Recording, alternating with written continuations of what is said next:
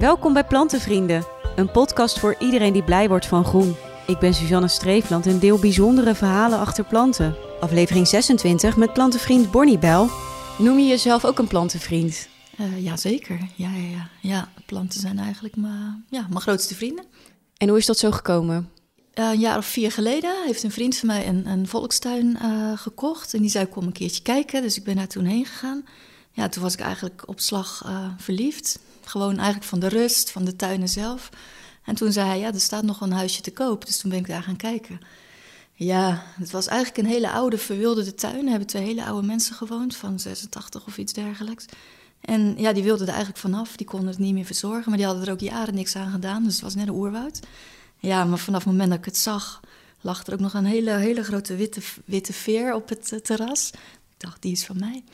Dus ja, het probleem was alleen dat ik het zo onverwacht ja, op mijn pad kwam. En ik sta er eigenlijk alleen voor met zes kinderen.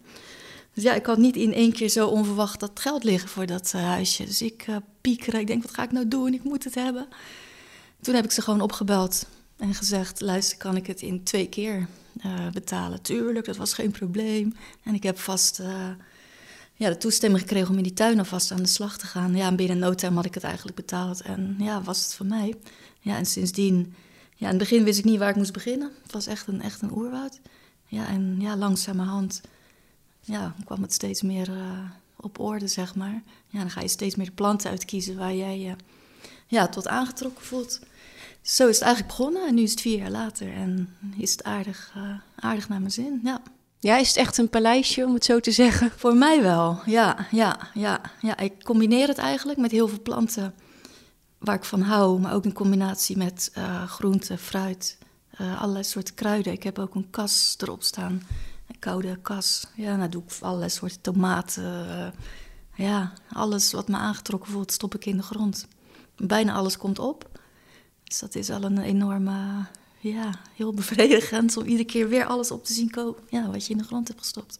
Dus blijkbaar heb je er wel talent voor. Ik denk het toch wel, ja. Ja, ik praat ook tegen ze.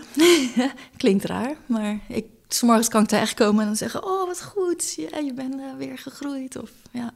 ja het is een... Uh, ja, ik voel me net een soort prinses in een soort sprookjeskasteel als ik daar rondloop. Ik kan, ja, kan er geen genoeg van krijgen. Ik vind het gewoon een wonder dat je zoiets kleins in de grond stopt... en ja, het groeit uit en je kan er gewoon van eten. Of dat, uh, ja, ik ben het liefst ben ik daar.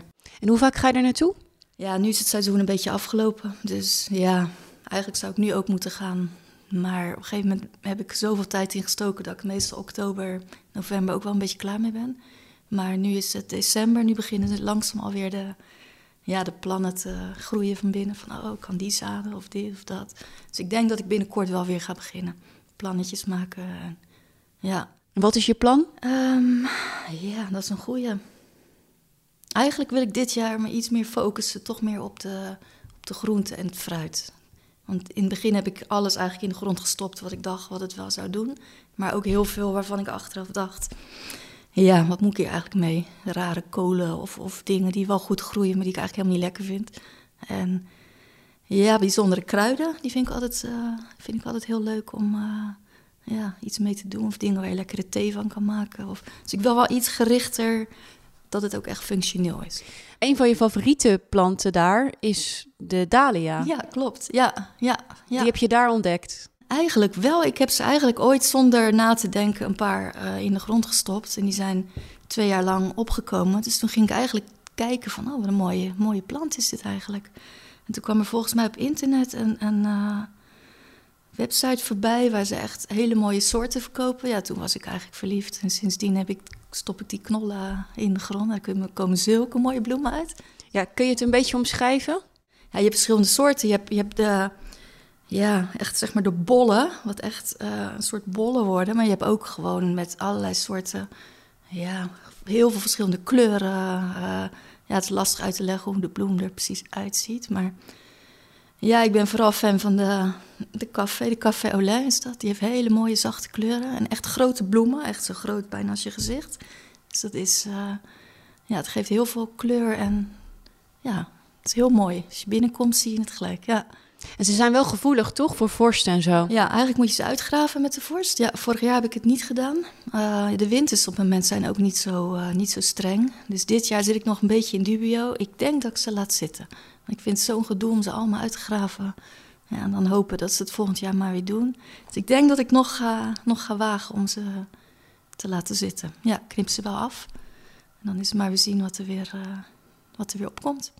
Want ze groeien ongeveer, of ze bloeien ongeveer in juli, toch? Zoiets. Ja, meestal zo. Ja, je hebt zelfs nu nog hoor, sommigen die nog hier en daar een bloem, uh, een bloem uh, geven. Maar over het algemeen zijn ze wel op november een beetje uitgebloeid. Ja, als ze op een gegeven moment zijn gaan bloeien, dan moet je ze ook, of dat moet niet, maar volgens mij is het beter om dan ze af te knippen, ja, toch? Hoe meer je ze knipt, hoe meer, hoe meer ze blijven bloeien. Maar ze zijn sowieso prachtig om, om mee te nemen naar huis, in een vaas te zetten. Dus ja, meestal knip ik knip er veel af. Ja, dan zet ik ze thuis neer en dan uh, geniet ik er thuis ook nog van. En ze blijven, ze blijven nieuwe bloemen geven, dus dat uh, is heel dankbaar.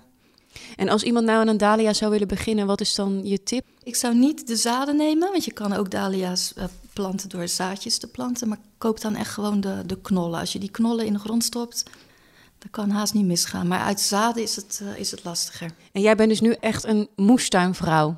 Eigenlijk wel, ja. ja. En het liefst een beetje, hou ik van een beetje wilde, wilde planten. Ik ben bijvoorbeeld gek op de vingerhoedskruid of stokrozen. Uh, ja, alles wat maar wil groeien. Uh, papavers, echt van die grote. Ja, en ik laat ze alles een beetje door elkaar eigenlijk. De tomaten groeien bij mij tegen de uh, appelbomen aan, bij wijze van spreken. Een beetje een, uh, meer een beetje permacultuur idee. Hoe groot is jouw tuin eigenlijk? Ik denk dat die ongeveer 20, 22 meter lang is. Dan staat het huisje er wel op, maar ik heb mijn klein huisje. Want ik, ja, ik woon 10 minuutjes bij vandaan. Dus je hebt mensen die wonen daar. Die hebben helemaal douche en weet ik het alles ingebouwd. Maar voor mij is het gewoon simpel. Ik heb een douche en een bed en ik kan er slapen, maar eigenlijk doe ik dat nooit. Dus het is ongeveer, ik denk zo 22 meter lang. En dan een meter of, ja, wat zal het zijn? 10 breed, denk ik. Ja, dus ik heb best wel aardig wat, uh, aardig wat plek, ja. En heb je um, ook wat uit de moestuin meegenomen? Of wat heb je meegenomen voor in de plantenbiep? Ik heb voor jou een, een, een uh, plant meegenomen waar ik ook heel erg gek ben. Dat is de moringa.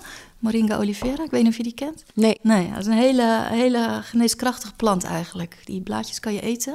En er zitten enorm veel uh, vitamine en mineralen in. Dus ik heb het zaadje in de grond gedaan. Ik hoop dat die gaat ontkiemen voor je en bloeien. Maar daar heb je een hele, een hele mooie plant. Het wordt een boompje eigenlijk. Een soort klein, uh, klein boompje. Het is wel een gevoelig boompje. Er wordt gezegd van ja, in de winter kan je hem gewoon geen water geven en droog laten staan. En volgend jaar komt hij weer op. Maar dat is mij nog niet gelukt. Dus dat uh, het is afwachten. Maar anders kan je heel, de, heel het voorjaar en de zomer ervan eten. Want het is zeg maar een boompje en die blaadjes pluk je er dan ja, van? Ja, ja, je hebt ook poeder wat je tegenwoordig kan kopen in de winkels van moringa. Gewoon dat het heel veel voedingsstof bevat. Dus ik dacht, dat is een leuk voor jou. Omdat mijn lievelingsbloemen eigenlijk op het moment niet echt, uh, niet echt bloeien. Ja, leuk. En waar hoop je dat hij terecht komt? Want ik zet hem uiteindelijk natuurlijk in de plantenbiep. Ja. Um, het zou leuk zijn als er bij iemand terechtkomt die zegt van mijn gezondheid is op het moment een beetje aan het kwakkelen. Ik, ik kan wel een extra boost gebruiken. Daar zou het een goede voor zijn. Ja, ja dat je dit kan je door een smoothie, een smoothie heen uh, blenderen. Of ja, wat je, wat je wil. Gewoon zo eten is niet zo lekker. ik zou ze wel ergens doorheen doen, maar daar, uh, daar zou ik het leuk vinden als die bij terecht kwam.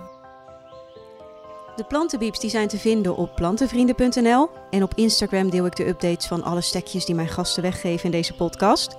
Heb je zelf een verhaal te delen? Dan kan je dat mailen naar podcast.plantenvrienden.nl. Leuk dat je luisterde en tot de volgende aflevering.